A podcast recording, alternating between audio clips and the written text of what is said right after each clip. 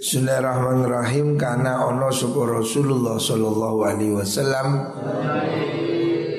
Ida atosana likane. Ida atosa.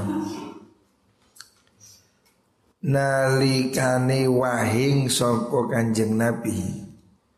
Kanjeng Nabi kalau bersin ya. Terus Hamidah mongko muji sapa Kanjeng Nabi. Muji Allah ing Gusti Allah. Terus fayak fayuqalu mongko den ucapaken lahu, lahu maring Kanjeng Nabi. Adab. Orang bersin mengucapkan alhamdulillah Orang yang mendengar hendaknya mengucapkan yarhamukallah. Fayaqulu mongko daun Nabi yahdikumullah. Jawabannya. Jadi saling mendoakan. Yahdikum mugi-mugi nuduhaken kum ing sira kabeh. Sinten Allahu Gusti Allah wa yuslih lan bagusi sapa Allah bagusaken balakum ing tingkah sira. Jadi ini etika yang diajarkan oleh Rasulullah Shallallahu Alaihi Wasallam. Hendaknya kita ini saling mendoakan. Kalau ada orang bersin, ucapkan Alhamdulillah. Tapi juga harus ada etikanya. Orang bersin jangan sampai mengenai orang lain. Bersin supaya ditutupi. Terus ucapkan Alhamdulillah.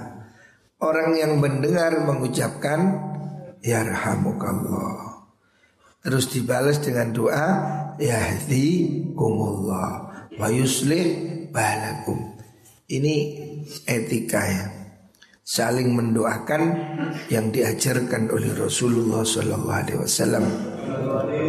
Rawahu Tabrani an Abdullah bin Ja'far. Selanjutnya karena ono sapa Rasulullah sallallahu alaihi wasallam Idza faragha nalikane rampung sapa Nabi minta amihi saking daharane Kanjeng Nabi Kala mongko dawuh sapa Nabi dawuh alhamdulillahilladzi at'amana wa saqana wa ja'alana muslimin doa setelah makan. Ini biasa dilakukan oleh Rasulullah Sallallahu Alaihi Wasallam. Beliau mengatakan Alhamdulillah. Alhamdulillah sekali puji kulillahi kuti Allah. Alladzi at'amana kang maring mangan sapa Allah na ing kita. Allah sudah memberi makan kepada kita. Wasaqona lan nginumi sapa Allah na ing kita. Wajah alana lan akan sapa kita muslimina ing pira-pira wong Islam ya. Harus disyukuri deh. Nikmat Islam ini nikmat terbesar ya. Kita ini menjadi orang Islam. Ini bukan kebetulan. Islam ini nikmat yang diberikan oleh Gusti Allah. Makanya disyukuri habis makan syukur. Syukur diberi makan, syukur diberi minum, bersyukur telah diberi hidayah oleh Gusti Allah. Sebab kalau kita ini tidak dapat hidayah, ya diibaratkan menjadi orang buta, tidak mendapat petunjuk atau menolak mendapat petunjuk. Depan mondok yo nyengkre, tidak dapat petunjuk ya. Allah mengatakan dalam Al-Quran Wa man a'radu an dzikri fa inna lahu ma'isyatan dhanka wa nahsyuruhu yaumal qiyamati a'ma. Ya. Karena orang ini kalau tidak dapat petunjuk Orang yang berpaling dari ajaran Islam Hidupnya akan ruwet. Ruwet artinya problem ruhaninya ruwet. Dan di akhirat menjadi buta Makanya nikmat Islam ini kita syukuri Termasuk nikmat mau kerasan di pondok Ini nikmat. Alhamdulillah. Masih ngantukan. Wah, buri kok sapa ngantuk. Kami putih kok lho, kok. Sikutan. Ada ngantuk. Mondok ini nikmat, gelem ngaji nikmat. Ngantuk gugan iku ngantuk. Bengi turu Disyukuri nikmat Allah ini. Rawahu Tabrani beliau Rawahu Ahmad An Nabi Said ya. Kita ini tidak bisa melakukan sesuatu tanpa izin dari Gusti Allah. Makanya menjadi orang Islam ini juga nikmat, bukan pilihan. Allah yang memilihkannya. Jadi santri ini nikmat, disyukuri ya. Kamu harus bangga menjadi santri.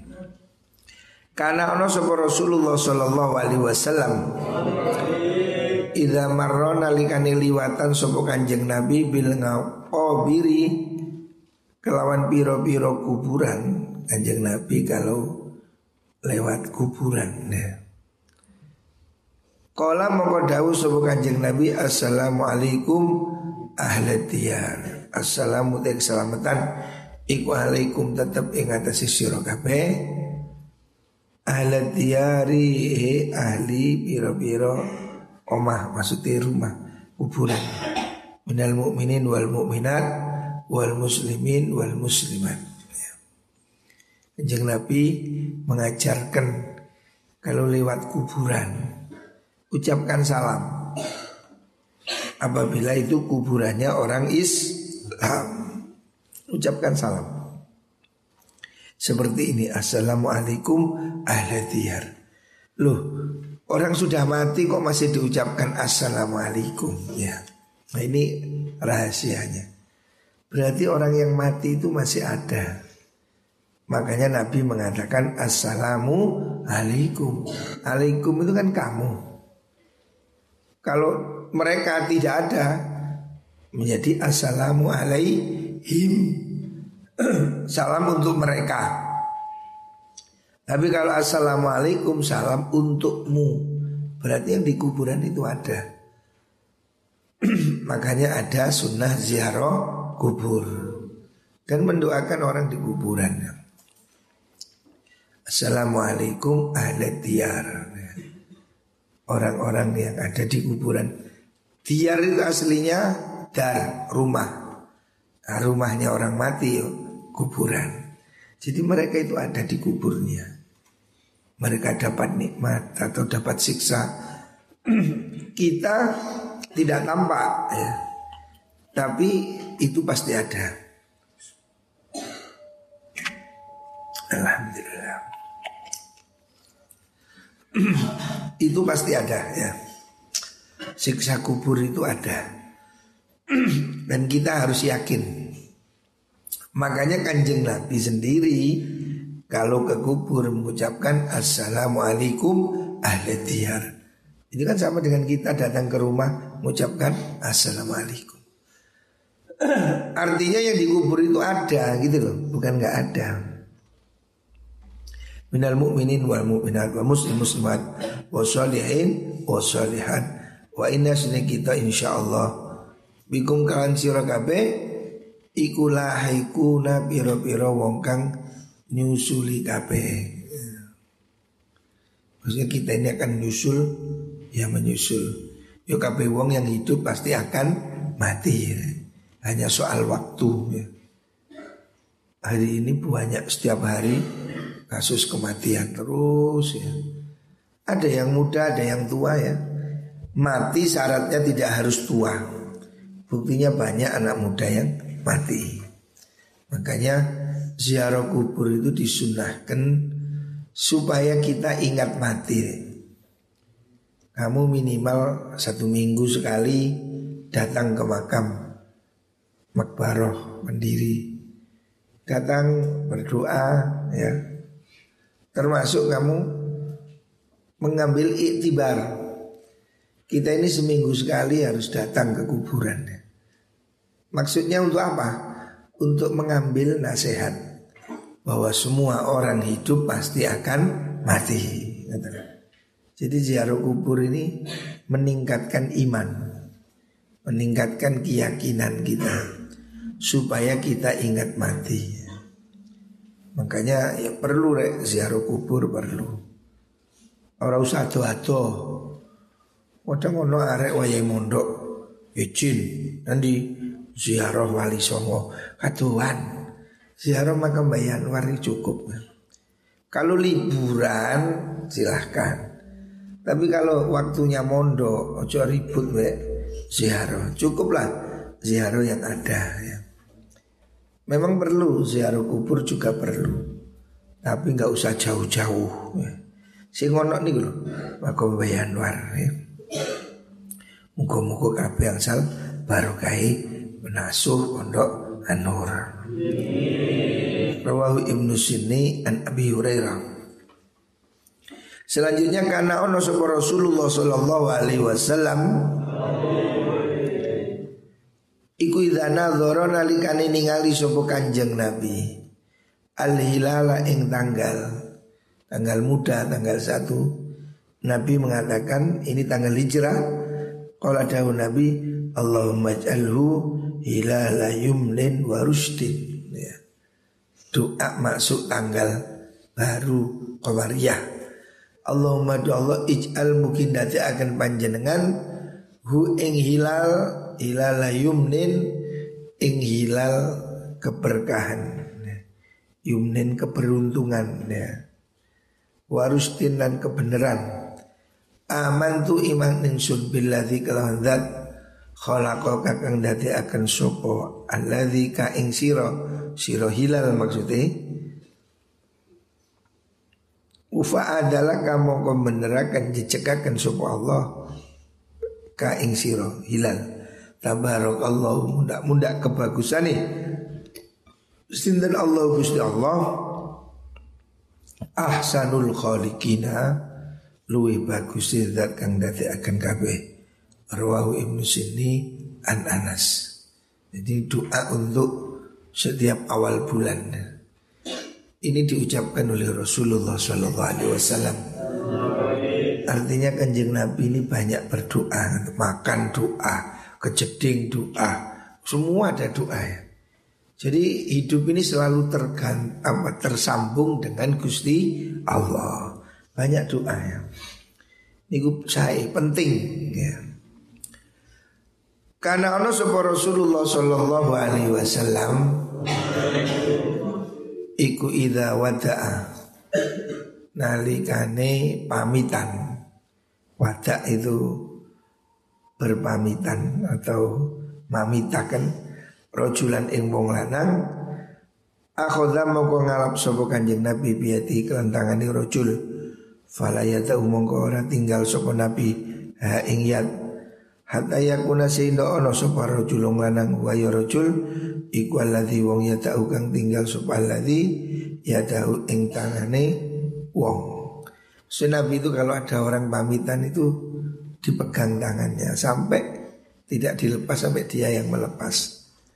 Jadi Nabi ini betul-betul apa menyenangkan ya, ada orang pamitan dipegang tangannya. Sikap yang membuat orang menjadi nyaman ya. Jadi Nabi ini orang yang sangat hangat, menyenangkan ya. Ada orang pamit dipegang tangannya. Wa yaqulu lan dawu Kanjeng Nabi terus kemudian Nabi mendoakan astaudiullah dinaka wa amanataka wa khawatima amalika ya. Kata-kata perpisahan kalau ada orang mau pergi ini yang diucapkan astaudiullah astaudiu nitipaken ingsun Allah ing Allah. Dinaka ing agama sira. Wa amanataka lan amanat sira. Wa khawatima amalika lan pungkase amalan sira. Ya.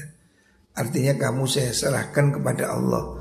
Wis tak pasrah no, supaya dilindungi oleh Gusti Allah.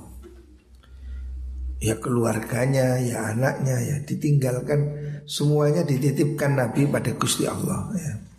Wa khawati ma'amalika lan piro-piro Pungkasani amal siro ya.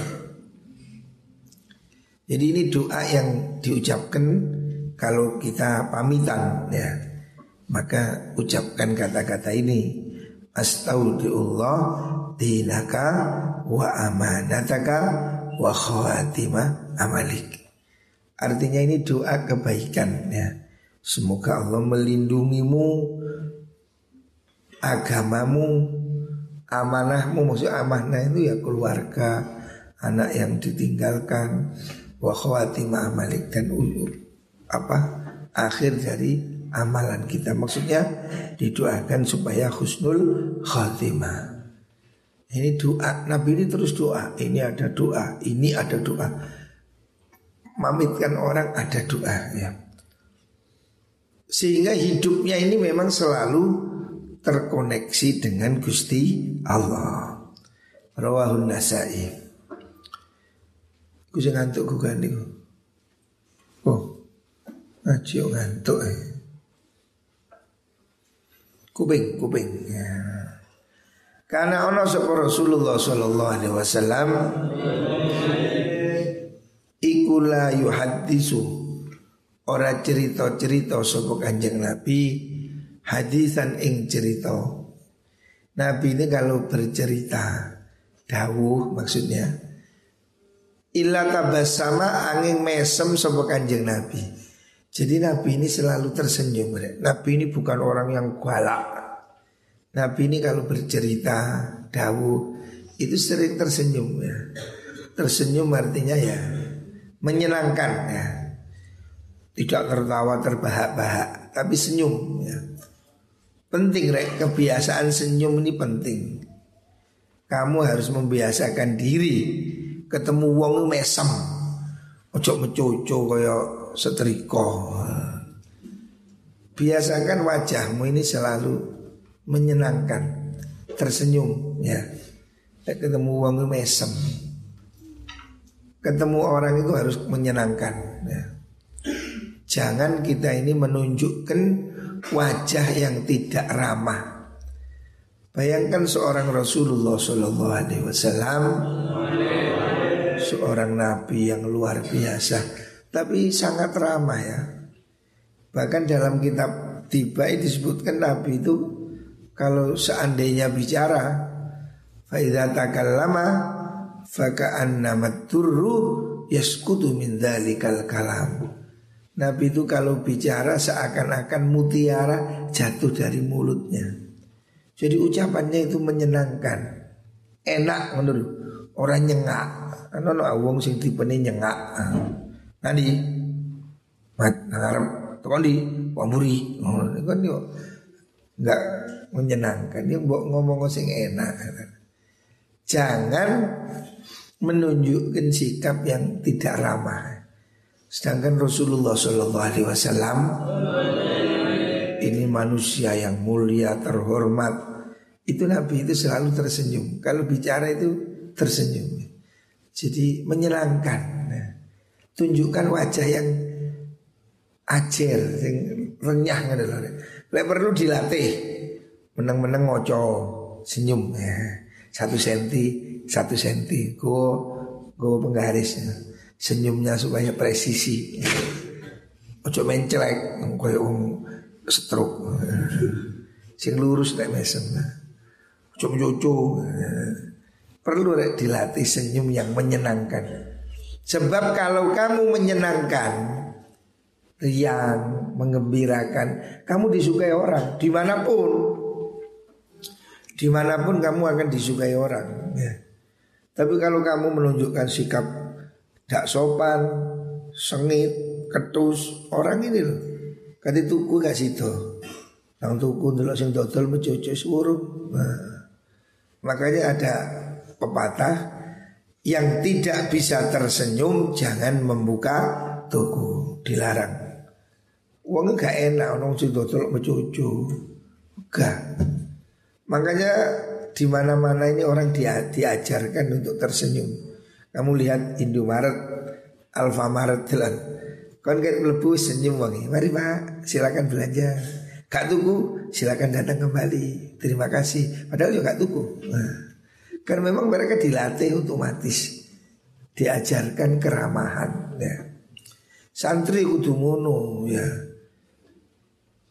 ustadz, guru semuanya tirulah Rasulullah Shallallahu Alaihi Wasallam. Niru kanjeng Nabi sing ajar.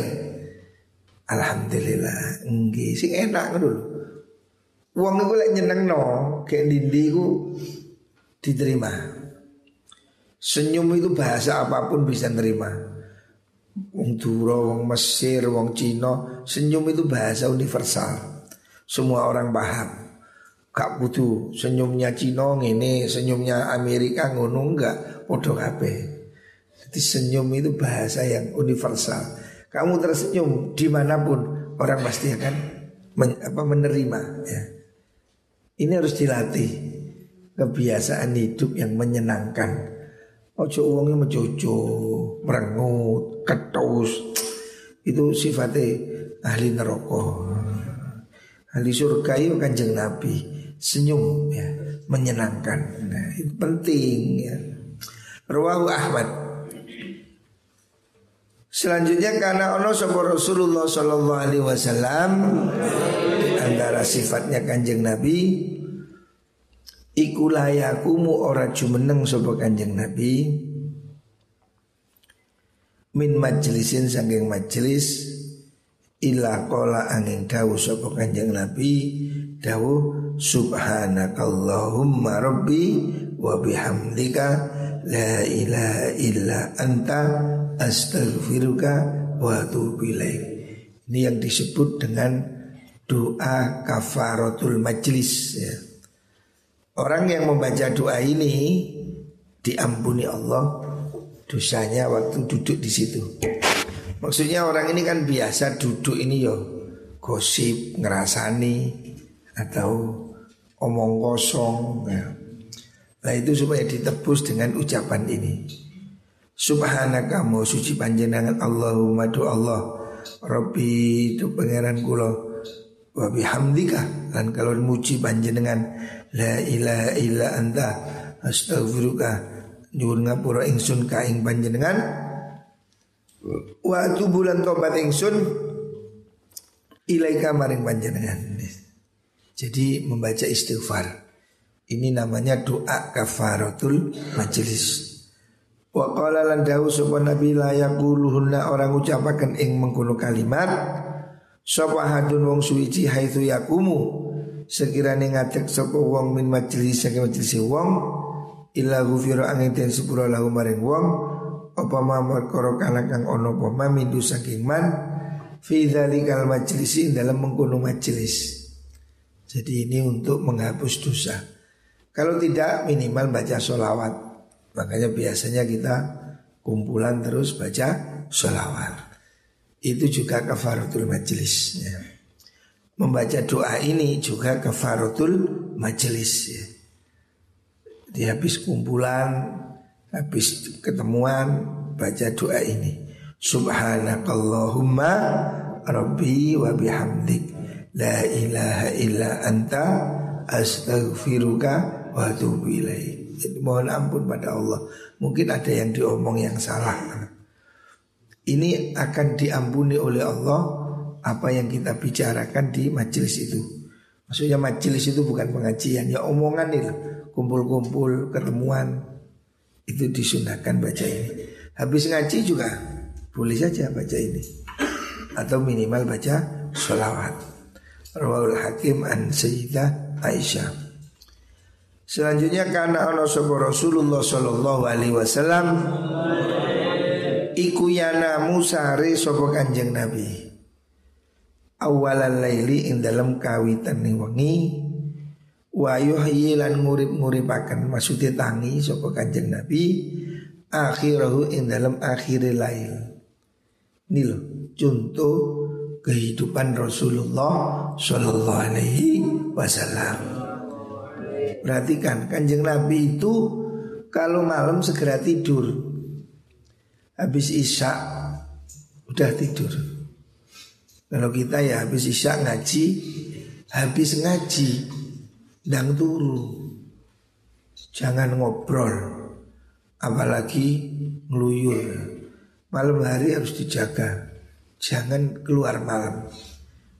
Kamu lihat saya sendiri malam tidak pernah keluar Sudah tidur Habis ngajar malam sudah tidur.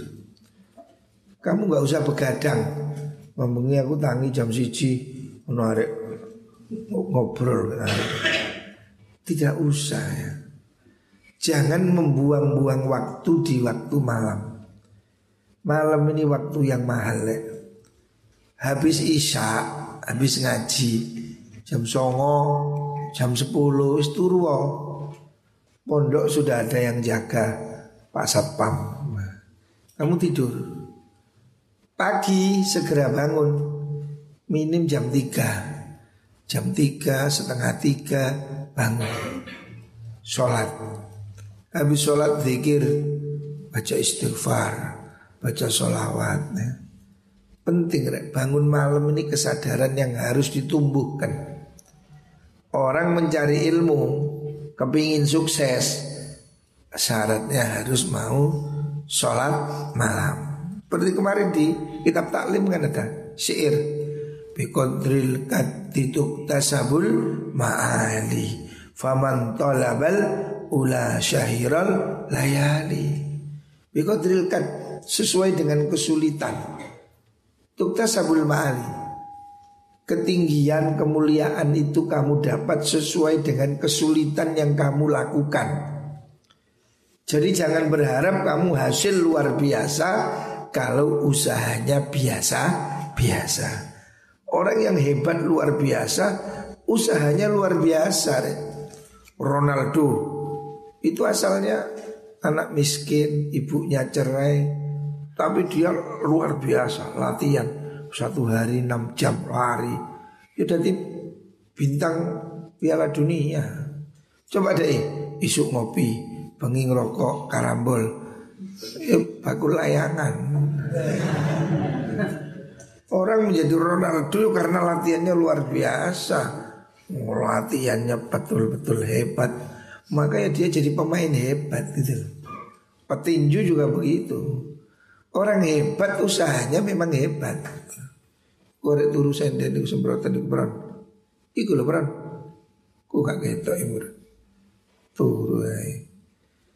Orang yang luar biasa memang usahanya luar biasa. Jangan berharap kamu hasil luar biasa kalau usahamu biasa biasa. Ya, biasa ya hasilnya biasa. Orang-orang menjadi hebat itu petinju, pemain bulu tangkis, pemain sepak bola.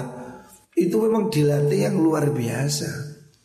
Kemauannya juga luar biasa, kemampuannya luar. Jadi memang itu bertemu kemampuannya, kemauannya, latihannya. Orang ini kan memang ada kemampuannya. Saya ini walaupun dilatih oleh Ronaldo, kondisi pemain Persema juga iso deh. Itu bakat Orang itu ada bakat, ada kemampuan, tapi ada kemauan. Walaupun wis bakat, tapi males juga jadi apa-apa. Banyak orang bakat nganggur banyak. Karena dia tidak punya kemauan yang kuat. Lah Rasulullah Shallallahu mengajarkan hidup sehat. Ini ajaran Nabi sudah, tidak ada yang lebih baik. Malam segera tidur. Bengi jam songo, jam 10 Bahkan hukumnya makruh. Ngobrol setelah isya itu hukumnya makruh. Apalagi main HP, main game. Haram. Mau ngobrol lagi makruh. Main game tak hukumi dewi haram. Khusus ada pondok Nggak boleh. Ngenet, main game, nggak boleh karena itu akan membuat kamu tidak sholat subuh. Akhirnya ngantuk itu Itulah nih ada pinggir dulu Ada dalam itu ciwirono Ngantuk itu Kakian HP itu Yan ciwiran kanyamu itu Itu mabuk HP itu Penyakit zaman modern ini HP. Gak lanang, gak wedok. Itulah lah. Kayak dindi uang kayak terminal, kayak rapat, kayak masih kumpul wong papat itu nyekel handphone dewi-dewi ini. Bapak emak nih anak loro. Ngene kape. Nah terus apa gunanya ketemu utak enang dinding. Kita ini kumpul konco yo sibuk BHP. Baru lagi embong gak nyekel handphone sepedahan malah cecer omong-omongan. Mengganggu embong. Gak nyekel HP. Nek nyekel HP ya semuanya kumang. Wabe wong isu-isu ndase tambah cilik. Dingklu jempolnya tambah gede. Semua orang ini mabuk HP sekarang. Rumah tangga nggak beres ya gara-gara HP. Lah ya apa sing wedok ribut mi HP? Sing lanang gak diurus, anaknya gak diurus. Pentingan handphone, pentingan jawab chat, pentingan jawab apa? Inbox. Sing gak ngarepe malah gak direken. Apa gunanya handphone itu? Mestinya kan handphone itu untuk kan komunikasi. Lah sing gak ngarepe malah gak dijak omong. Bojone dijarno, nyekel handphone, jawab grup chatting. Lek ono ono golek bojo sing gak duwe HP, lek ono ya. Ini golek bojo syarat tidak punya Facebook. Nah, bu maratus solihah tenan ya. Saiki kaya ukurane maratus solihah itu tidak punya HP atau tidak punya Facebook nah, kira-kira. Kamu saiki masih wis tuwek-tuwek lho ya sik Facebookan sik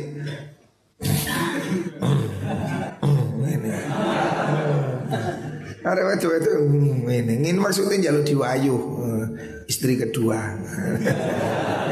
Tahu puai. Jadi makanya di pondok ini tidak boleh bawa HP. Racun HP. Wis sudahlah. Banyak kasus ini. Orang ini lebih penting handphone timbang bojo timbang anak. Anaknya nangis gak direken tapi lah handphone itu dong, oh, nang japri, nang apa grup. Lalu layani grup kan masih 24 jam ya kalau lereni. Grup iki, grup iku, grup iki macam-macam. Jadi kita yang harus bisa mengatur waktu. Malam hari. Sudah matikan handphone saya. Tidur ya wis handphone tak seke wis kata reken. Buang telepon buang apa aku turun. Isu tak buka, oh ada uang tak jawab, maaf sudah tidur, ngono. No. Gak semua harus kita jawab, kan kita yang punya waktu itu. Lalu apa ngelatih wong jam rolas pengi Ya wes agak penting ya gak angkat. Handphone saya selalu saya silent. Aku lihat turus gak ngurus turus Masih mau telepon pengen rolas ya turus wae Gak kerungu nah, Kita ini harus ngatur waktu kita sendiri Jangan sampai hidup kita diatur oleh orang lain Dalam kok kon bengi ngelayani chatting Ngelayani grup Ngelayani Gak ngurus aku Bengi handphone tak saya kayak turun Jalan turu beres. Jadi jangan kita ini diperbudak HP. HP ini sudah menjadi penjajah. Sudah banyak rumah tangga yang rusak gara-gara HP. Lawang sing lanang gak direken, handphone dijawab. Sing lanang ngomong gak dikrungu. Tapi lah handphone, inbox, grup apa mana itu. Chatting, bingung sih katanya jawab. Kita ini harus bisa melepaskan ketergantungan pada handphone. Ini penyakit. Hari ini ada penyakit handphone ini. Namanya penyakit ya? Ada ini penyakit handphone. Jadi orang yang ketagihan handphone. Baterai lemah. Wah ini problem. Melebihi iman lemah. iman lemah gak bingung. Lebih baterai lemah. Oh kupu. Nah, imannya gak diurus baterainya yang diurus ya. Orang ini lebih susah handphonenya mati daripada imannya mati. Jadi bahaya nih. Makanya handphone harus dibatasi. Malam hari matikan handphone. Wes turu wae. Gorek kantung-kantung gorek dalam ibu kakian handphone ibu tak rampas kabeh. Awas gak ngaji harus dirampas HP. Penyakit saya lihat di desa-desa anak kecil gara-gara ini belajar online ini kelas online kelon nah ya wis ngeloni HP itu terusan tak delok arek cuwili cilik saiki nyekel handphone. Gak kira sinau arek cilik kok kayak handphone. Yo avatar Doraemon apa ngono wis. 0% belajar online. Kalau nggak ditunggu oleh mbok nih Yus gak mungkin narik tulinan main belajar online. Lambok nih online bisa Facebook, TikTok, apa mah? Saya kira delok wong tambah gak duwe isin lah kayak TikTok TikTok iki lho. Wong tuwek-tuwek ya kemenyek-kemenyek ya Allah, sing opo ngene gini. Sekarang duwe isin. Makanya sing bener matikan handphone. Hidupmu akan berubah kalau handphonemu kamu matikan. Nah, saya wongi panik yo gara-gara handphone. Wah kasus corona kasus Matikan handphone beres Sekak kerungu Jadi kamu harus bisa mengendalikan HP HP ini penyakit modern. Setan gepeng. Jadi setan ini kok gesak ya. Sedino-dino ngeloni HP Ini harus dikurangi ya. Kita mesti gunakan yang bijak. HP ke ngaji Nge-share ngaji. Boleh. HP ke TikTok WA apa mana itu masih gak manfaati. Makanya lebih baik tanpa HP. Vallahi